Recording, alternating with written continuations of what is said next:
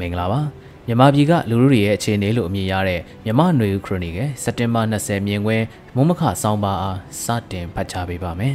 မြန်မာပြည်တွင်းကလူလူရဲ့နေဆက်တူကစာဝတ်နေရေးနဲ့စိတ်အခြေအနေကကောင်းလာတာမဟုတ်ပါဘူးမိမိတို့ဘာသာမိမိတို့စိတ်ကိုအစိုးဆုံးမျှော်လင့်ပြီးရှင်သန်နေထိုင်ကြရတာမျိုးဖြစ်ပါတယ် ဒါကမြို့ရီပေါ်မှာနေထိုင်ကြတဲ့လူထုကိုဆိုလိုတာဖြစ်ပါတယ်။လက်နက်ကင်တိုက်ပွဲတွေဖြစ်နေတဲ့ကြွားတွေကတော့နေဝင်စီးမလားညဝင်စီးမလားတိုက်ပွဲကဘယ်တော့ကိုနေတဲ့နေရာမှာတက်တက်ဖြစ်မလဲဆိုတာမခံမှန်းနိုင်တဲ့တိုင်းဒေသဒေသအချို့နဲ့တိုင်းဒေသအချို့ရဲ့ကြေးရွာကလူထုအဖို့တော့အသက်အန္တရာယ်ကလက်နက်ထိမှန်တာဘုံထိမှန်တာဖမ်းဆီးတပ်ဖြတ်ခံရနိုင်တာရိတ်ခါမလုံလောက်လို့ငက်ပြက်မဲ့ပေးနဲ့ယောဂဖြစ်ပွားရင်စေးကူးဖို့မစွမ်းတာတဲ့အဖြစ်အပျက်တွေကနေစဉ်ဘဝလိုဖြစ်နေတာမျိုးပါ ရိတ်ခါတည်ယူတာစေဝါလောင်စာစီတည်ယူတာတွေကိုကန့်သက်တားမြစ်ခံရတဲ့ဒေသတွေမြန်မာနိုင်ငံမှာတနေရာမကတော့ပဲအများပြားရှိလာနေပါပြီ။ရခိုင်တုန်းကရခိုင်ပြည်နယ်ကဖြတ်တန်းတည်ဆောင်ရတဲ့ချင်းပြည်နယ်ရဲ့ပလက်ဝလိုနေရာမျိုးမှာသာဖြစ်ပွားနေတာဖြစ်ပေမဲ့အခုအခါတော့ကယားပြည်နယ်၊စကိုင်းတိုင်း၊ကချင်ပြည်နယ်၊ချင်းပြည်နယ်တို့မှာပါဖြစ်ပွားနေပြီဖြစ်ပါတယ်။လက်နက်ကင်ပဋိပက္ခကြားမှာအယက်သားအလုံးကိုပါရိတ်ခါဈေးဝါလောင်စာစီတည်ယူခွင့်ကန့်သက်ထားတာဖြစ်ပါတယ်။ ဒီဒေတာတွေကလူလူအဖို့အခြားဒေတာကိုရွှေ့ပြောင်းနေထိုင်ဖို့ငွေကြေးဆက်အသွယ်လုံလုံလောက်လောက်ရှိမှရွှေ့ပြောင်းနေထိုင်ကြရမယ့်အနေအထားမို့လို့အများစုကမိမိတို့ဒေတာမှာပဲဖြစ်ပွားနေတဲ့ကြာရောက်တဲ့အန္တရာယ်ကိုကိုယ်တိုင်တော့မဖြစ်တော့ဘူးလို့ယူဆနေပြီးနေထိုင်ကြရတဲ့ဘဝတွေကိုနားလည်ကြည့်မိပါတယ်။ စကိုင်းတိုင်းကျေးရွာတွေမိရှို့ခံရဝင်စည်းခံရတဲ့ဒေသကမိသားစုတစုအကြောင်းကြားသိရတယ်လို့ဆိုရင်သူတို့ရွာတွေအနီးနားကကျေးရွာတွေစစ်ကောင်စီတပ်တွေဝင်လိုက်ဖြတ်သွားလိုက်မိရှုခံရတဲ့ရွာအိမ်တွေပါသွားလိုက်နဲ့နောက်ဆုံးဇွန်လကုံဇူလိုင်လဆန်းလောက်မှာတော့မဖြစ်စေခြင်းဆုံးအရာဖြစ်တဲ့နေအိမ်မိရှုခံရပါတော့တယ်။မိရှုခံရခြင်းကြေးရွာအနီးနားမှာတိမ်းရှောင်နေပြီးရက်အနှဲငယ်အကြာမှာပြပုံဖြစ်နေတဲ့နေအိမ်တွေကိုပြန်ကြည့်ပြီးနောက် မြို့တစ်မြို့ကိုခိတ္တသွားရောက်နေထိုင်ခဲ့ကြပါတယ်။နီးစက်ရာမိခိုသားသမီးတွေကတယောက်ကမြို့မှာအလုပ်လုပ်တာကြောင့်တတ်နိုင်သမျှစီစဉ်ပြီးအိမ်ငါးပေးကနေဖို့စီစဉ်ပေမဲ့လည်း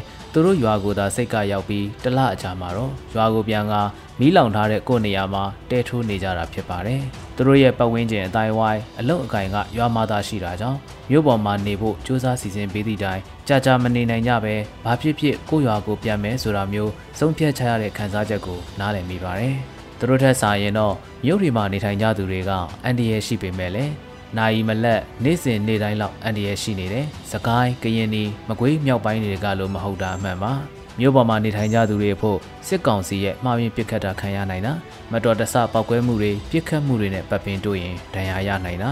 အသက်ဆုံးနိုင်တာတွေရှိသလိုလူရဲတပ်ဖြတ်မှုအန်ဒီရဲလည်းကြုံရနိုင်တာဖြစ်ပါတယ်။ဒီလိုဖြစ်နိုင်ခြေကရန်ကုန်မန္တလေးမုံရွာမော်လမြိုင်တောင်ကြီးမြစ်ကြီးနားအစရှိတဲ့မြို့တိုင်းမှာရှိနေတာဖြစ်ပါတယ်။မနက်အလုပ်လုပ်ဖို့အိမ်ကစထွက်တဲ့ကအန်ဒီယန်နဲ့ကြုံနိုင်တယ်ဆိုတဲ့အသည့်ကခေါင်းထဲမှာရှိနေကြရတဲ့သဘောပါ။ဘယ်လန်းစုံမှာဘာဖြစ်မလဲဆိုတာမသိနိုင်တာမို့ တနတ်ထိမှန်နိုင်တဲ့အန်ဒီရဲ့ဘုံထိမှန်နိုင်တဲ့အန်ဒီရဲ့ကနေ့စဉ်ရှိတယ်လို့ဆိုရမှာပါမကြာခဏဖြစ်ပွားလေးရှိတဲ့အဖြစ်အပျက်တွေဖြစ်လို့ဘယ်ချိန်ဘယ်နေရာမှာဖြစ်မယ်ဆိုတာမခန့်မှန်းနိုင်ကြပါဘူးမိမိကိုယ်တိုင်စိုးရွားတဲ့ကံကြမ္မာမကြုံနိုင်ဘူးလို့စိတ်ကိုခံယူပြီးသွာလာလောက်ကင်နေကြရတာဖြစ်ပါတယ်အန်ဒီရရှိတယ်လို့ယူဆနိုင်တဲ့မြို့တစ်မြို့နဲ့တစ်မြို့တည်ယူပို့ဆောင်ရေးမှာလောက်ကင်နေကြရသူတွေဖို့စီးပွားရေးလုပ်ငန်းအရာမိသားစုမှုရေးအရာခရီးသွားနေကြရသူတွေအစင်မသိတဲ့အခါတိုက်ခိုက်ခံရတာ ဖမ်းဆီးခံရတာအသက်ဆုံးရှုံးရတာတွေဖြစ်ပွားနေကြတာတည်င်းနဲ့နေ့စဉ်ကြားနေကြရပါတယ်။ရန်ကုန်လိုမြို့မှာလည်းနေ့စဉ်ကြောင်းတက်တာစီးပွားရေးလုပ်ငန်းရုံးလုပ်ငန်းတွေကုမ္ပဏီပို့ဆောင်ရေးလုပ်ငန်း